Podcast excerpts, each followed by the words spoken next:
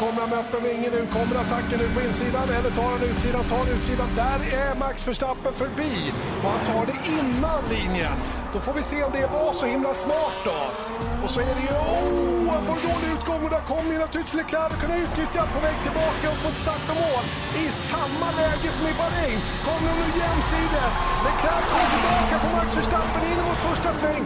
Det här är inte slut ännu. Nu är det farligt för Leclerc att hålla undan här. Nu är det farligt för Leclerc att hålla undan. Här kommer Verstappen på insidan. Men nu håller han sig lite kall och väntar på läget. Nu gör han det allting rätt den här gången. Nu får han strax öppna vingen. Kommer att ta spåret på utsidan. Han kommer att vara klart för innan han kommer till bromsning kurva 1. Max Verstappen kommer att vinna Saudiarabiens Grand Prix och ta revansch för det som hände förra helgen i Bahrain. Charles Leclerc, knappt, knappt slagen den här gången, men vilken fight! Alltså det här är redan en klassiker.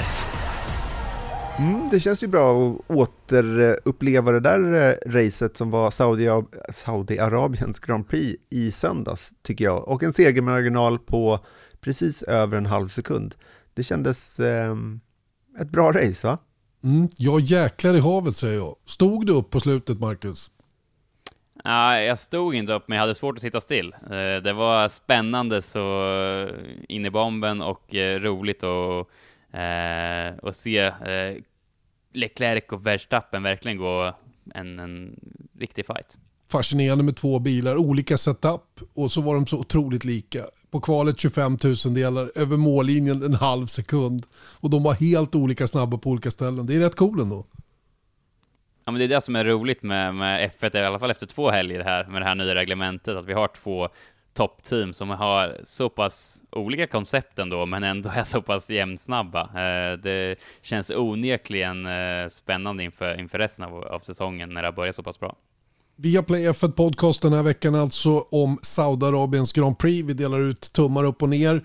Vi delar ut nedotummar till exempel till Mercedes. Vi delar, upp en, vi delar ut uppåt-tummar självklart till Red Bull och Ferrari då, som stod för den här magiska fighten i slutet. Men vi tar också och blir lite allvarliga faktiskt runt omkring eh, att tävla i Saudiarabien. Det highlightades ju ganska tydligt då med en missilattack som inträffade då på fredagen mitt under det första träningspasset. Och det var långa och många diskussioner om man skulle köra där överhuvudtaget den här helgen. Eh, och hur är det med att tävla i Saudiarabien? Varför är vi där? Hur ser det ut egentligen? Erik Stenborg tittar lite närmare på just det.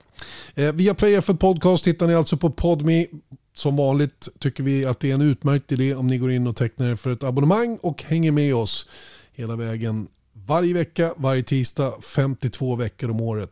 Ha det bra så länge. Hej då!